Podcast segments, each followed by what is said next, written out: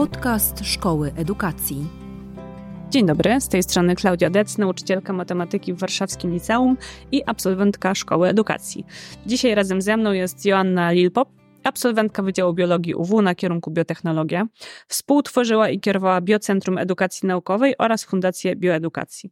W Instytucie Badań Edukacyjnych zajmowała się diagnozą umiejętności związanych z rozumowaniem naukowym wśród dzieci i młodzieży. Przez wiele lat przygotowywała do zawodu nauczycieli biologii i przyrody. Najpierw w pracowni dydaktyki biologii na Wydziale Biologii UW, a obecnie w Szkole Edukacji. Dzień dobry. Cześć, dzień dobry, tak, to ja, wszystko się zgadza. Asiu, powiedz mi proszę, jak wyglądał system nauczania przedmiotów przyrodniczych przed reformą w 2017 roku i po niej? Mhm. E, przed reformą mieliśmy gimnazja przede wszystkim. I mieliśmy sześcioletnią szkołę podstawową. I w tej sześcioletniej szkole podstawowej były klasy 1-3 y, edukacji wczesnoszkolnej. To bez zmian, nadal tak jest. I później od czwartej klasy e, rozpoczynało się przedmioty przyrodnicze wydzielone w postaci przedmiotu przyroda i one sobie trwały przez czwartą, piątą i szóstą klasę.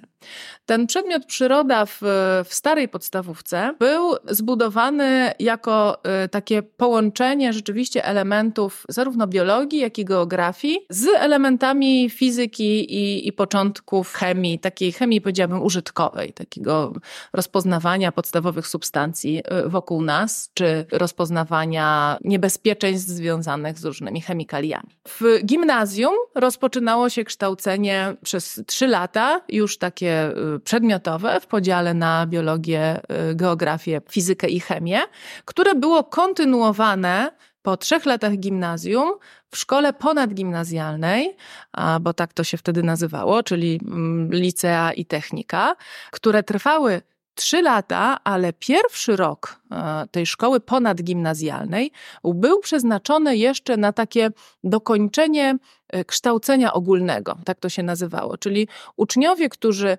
kończyli gimnazjum, jeszcze przez pierwszy rok w szkole ponadgimnazjalnej mieli możliwość kontynuowania obowiązkowego wszystkich przedmiotów w takiej postaci, w jakiej one były rozpisane w, w gimnazjum, mając okazję z jednej strony dokończyć pewne treści, które jako już starsze osoby były w stanie mm, zrozumieć, bardziej takie abstrakcyjne. Na biologii to były tematy związane z genetyką, z biotechnologią, jakby z rozwojem dziedzin e, biologicznych e, związanych z rozwojem współczesnej nauki. I dopiero po tym pierwszym roku w szkole ponadgimnazjalnej uczniowie decydowali, jaką ścieżkę e, już taką bardziej zawodową, specjalizacyjną obiorą i które przedmioty będą rozszerzać do matury. Konsekwencją tego był niezwykle krótki czas przygotowania maturalnego, czyli właściwie lądowaliśmy w układzie takim, że uczniowie mieli półtora roku właściwie do takiego systematycznego przygotowania się do zdania matury, na przykład z biologii czy na przykład z chemii.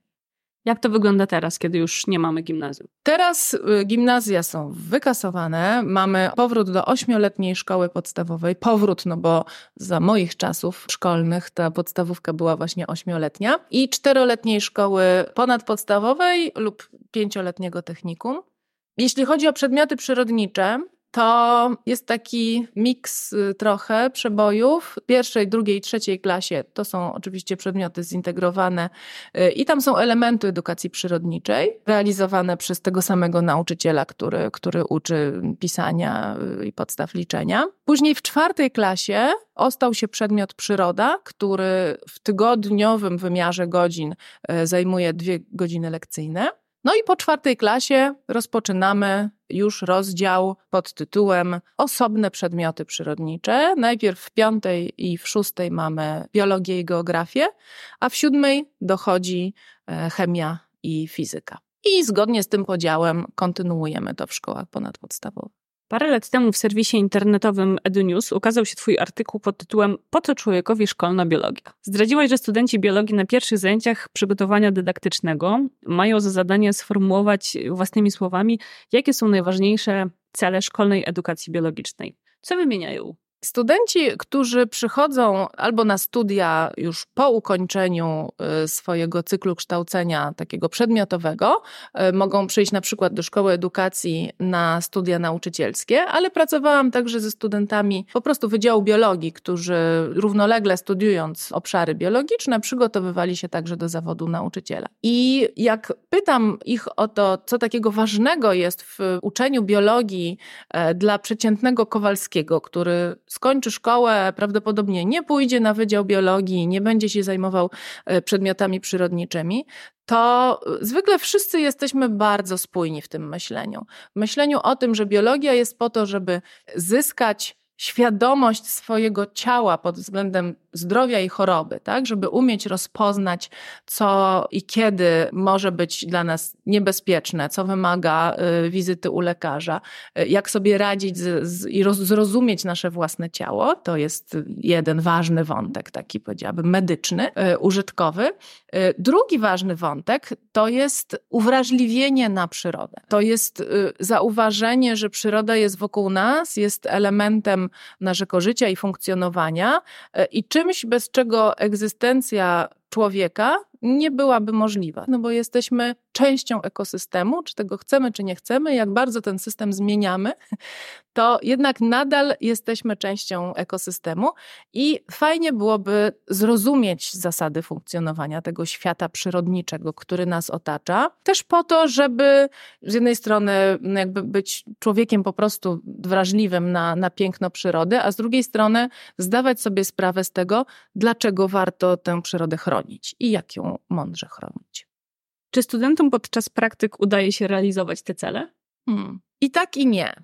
Bo koniec końców y, mm, zwykle y, studenci po przeprowadzeniu całej serii różnorodnych lekcji mają poczucie takiego mm, zrealizowania i zadowolenia, samozadowolenia. Natomiast w trakcie roku przygotowania do, do zawodu nauczyciela często wracamy do tego wątku i pytam studentów, co takiego się dzieje na ich lekcjach, czy mają poczucie, że dotykają tych, tych takich najważniejszych e, elementów, z którymi właśnie przyszli na ustach i w głowie. I bardzo często studenci w, z takim zdziwieniem zatrzymują się i mówią: Hmm, no nie, właściwie realizowaliśmy poszczególne tematy. Tematy, które wynikają z podręcznika, tematy, które wynikają z programu nauczania, który realizuje nauczyciel prowadzący te praktyki. Jakby wchodzą w taki, w taki tryb odhaczania tych tematów, odhaczania tych treści, no bo teraz to właśnie musimy parzydełkowce zrealizować,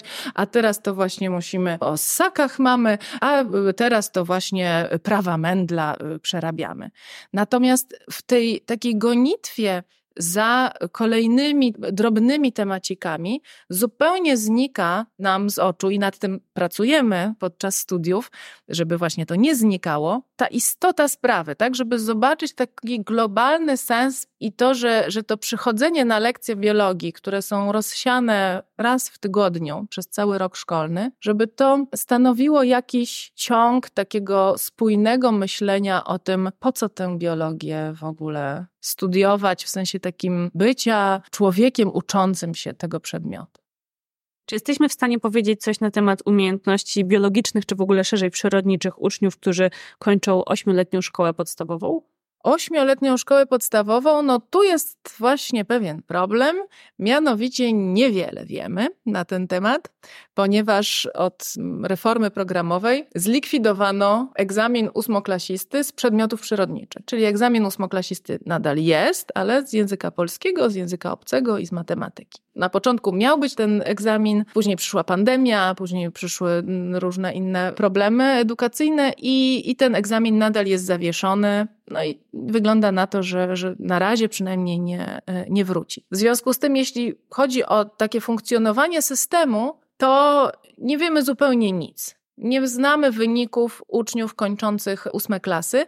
Nie wiemy, co oni wiedzą z biologii, nie wiemy, na jakim poziomie rozumowania są. Mamy takie dane, powiedziałabym, miękkie i zupełnie nieprzydatne dla, dla systemu w sensie takiego podejścia naukowego. Mamy relacje od poszczególnych nauczycieli szkół ponadpodstawowych, którzy mówią, że ten poziom uczniów przychodzących do nich na lekcje jest bardzo niski i bardzo zróżnicowany. Że rzeczywiście to, że, że tego egzaminu nie ma, powoduje, że te przedmioty są traktowane bardzo po macoszemu pewnie i przez uczniów, i może trochę przez nauczycieli. Nie stanowią takiego elementu, na którym w ogóle uwaga y, uczniów byłaby y, skupiona, no bo system szkolny stawia przed nimi tyle tych wymagań z innych obszarów, że tutaj pewnie nie starcza y, i energii, i czasu, i jakiejś takiej potrzeby wewnętrznej, żeby, żeby ją zbudować. Z drugiej strony, brak egzaminu zewnętrznego, tego kończącego ósmą klasę y, z przedmiotów przyrodniczych, w ustach wielu nauczycieli szkół podstawowych jest oceniony pozytywnie ze względu na to, że daje to taką pewną wolność realizacji programu. Podstawa programowa, no i tu jest też taki rozdźwięk pomiędzy tym, co chcielibyśmy, a co jest napisane w dokumentach. Podstawa programowa do, y, szczególnie do biologii, jest bardzo rozbudowana, bardzo szczegółowa i bardzo właśnie taka nastawiona na te poszczególne takie treści, których jest, nie wiem, 20 stron. A mm. jednocześnie rozumiem, że umyka to, o czym mówiłaś na samym początku, czyli w jaki sposób funkcjonuje ciało, w jaki sposób człowiek jest elementem całego systemu wokół. Tak, no właśnie. I teraz są nauczyciele, ci, ci świadomi nauczyciele, którzy nie dają się, że tak powiem, wrobić w to lecenie przez poszczególne tematy i temaciki.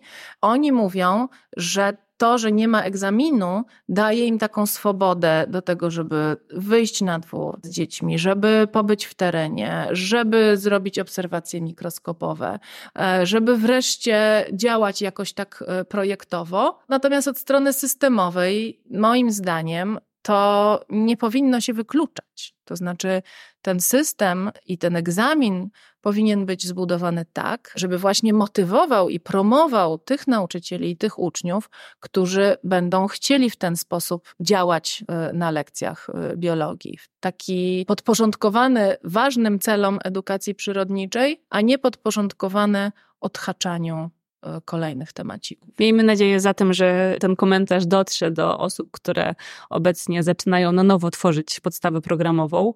Rozumiem, że Twoja rekomendacja, Asiu, jest taka, żeby na koniec ósmej klasy odbywał się egzamin. Tak, myślę, że tak.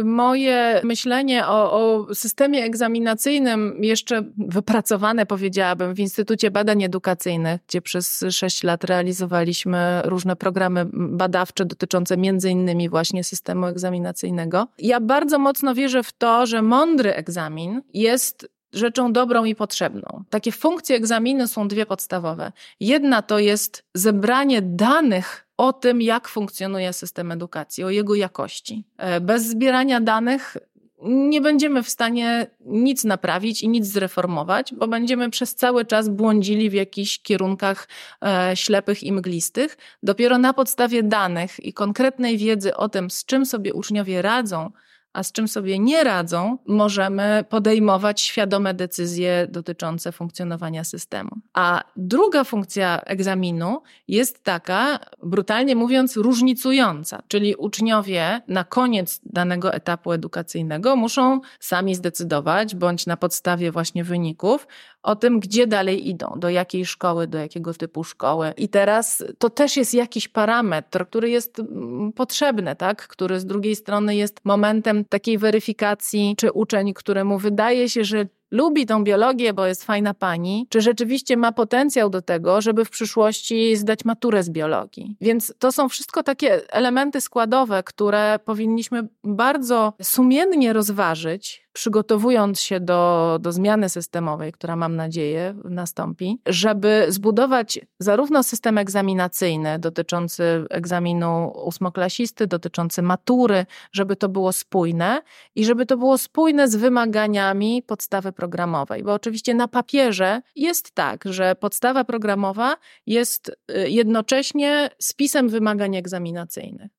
ale w realiach jest tak, że podstawę programową w przeszłości pisał jakiś zespół ludzi, a potem jakiś zupełnie inny zespół ludzi pisał na tej podstawie wymagania egzaminacyjne i formułę egzaminów Centralnej Komisji Egzaminacyjnej. To powinno być bardzo precyzyjnie przemyślane i zbudowane w ten sposób, żeby uzupełniało się ze sobą i tworzyło spójny system mądry i kształcący mądrych ludzi.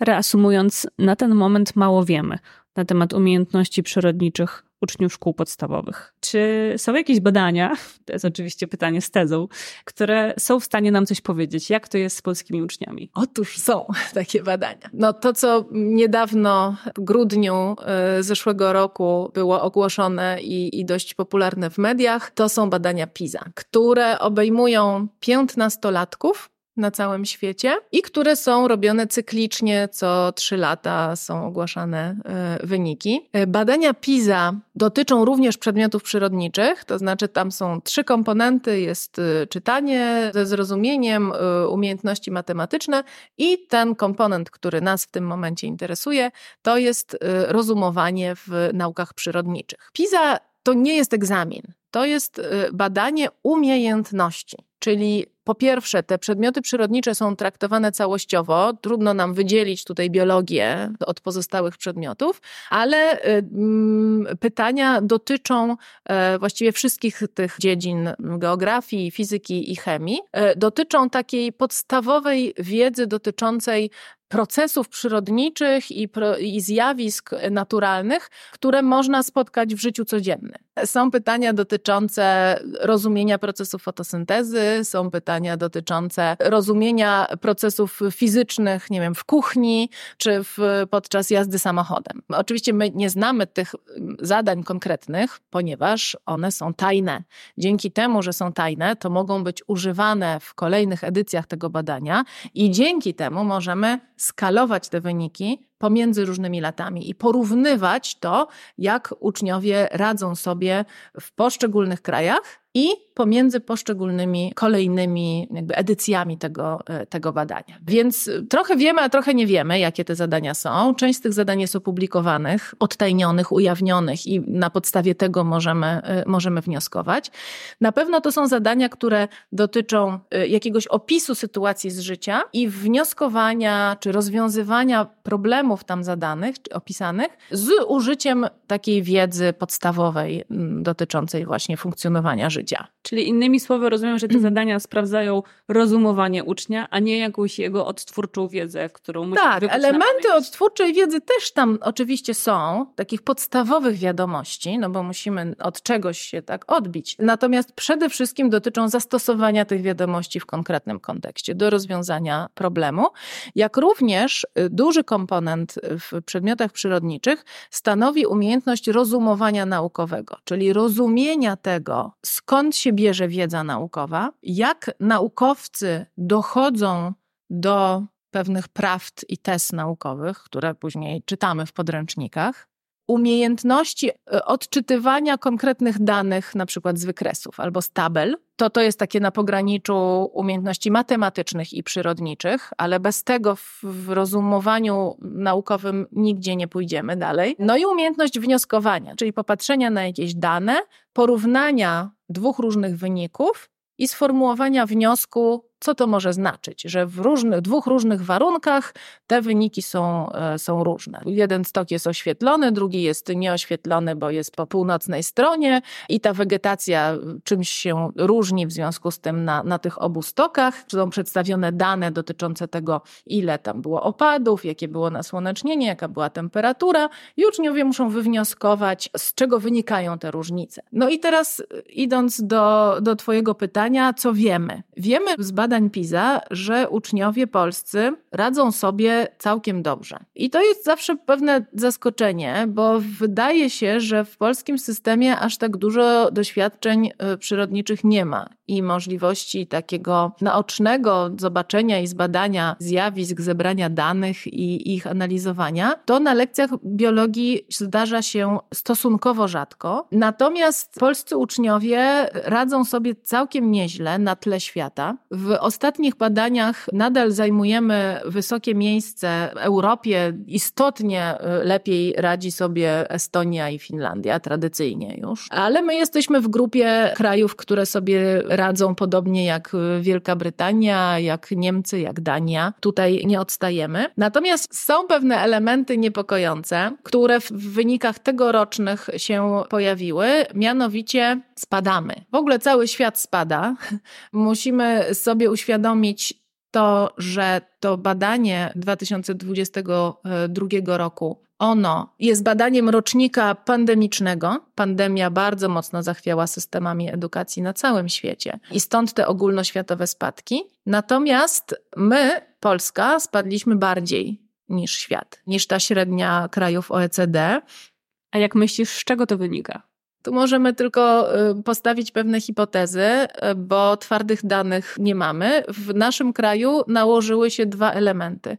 Na pewno element pandemii, i tutaj można by spróbować dociekać, czy długość zamknięcia szkół pomiędzy poszczególnymi krajami była jakimś czynnikiem wpływającym na to. Ale drugi czynnik, którego niestety nie możemy w tym badaniu oddzielić, wyselekcjonować wyraźnie, to jest y, zmiana systemu edukacyjnego, ta, która nastała w 2017 roku. Uczniowie, którzy wypełniali test PISA, to są uczniowie chyba najbardziej doświadczeni tymi zmianami programowymi. Doszli do szóstej klasy w starym systemie, a potem zamiast pójść do gimnazjum, wpadli w siódmej klasie i ósmej klasie w taki środek zupełnie innej podstawy programowej. Królicza nora. Tak, no i potem zaczęli realizować nową podstawę programową w szkole ponadpodstawowej. I to badanie uchwyciło ich w momencie albo bycia w ósmej klasie, albo większość populacji była już w pierwszej klasie szkoły ponadpodstawowej. Także no, moim zdaniem jest to element również ważny, aczkolwiek trudno nam na podstawie badań PISA jednoznacznie określić, co było przyczyną tego spadku. No i kolejny niepokojący element jest taki, że widzimy w tym badaniu duże rozwarstwienie. To znaczy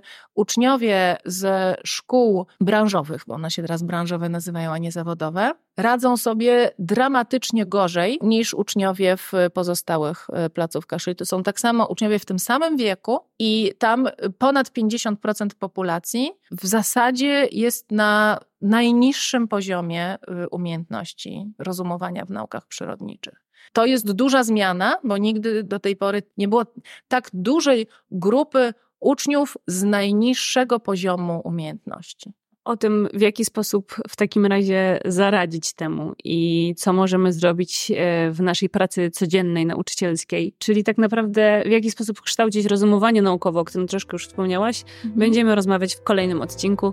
Za dzisiaj bardzo, bardzo Ci dziękuję, Asiu, i do usłyszenia. Dziękuję bardzo.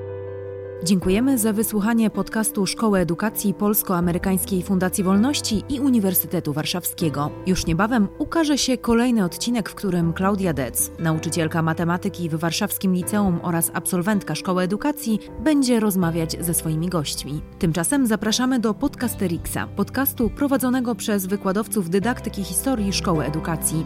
Do usłyszenia!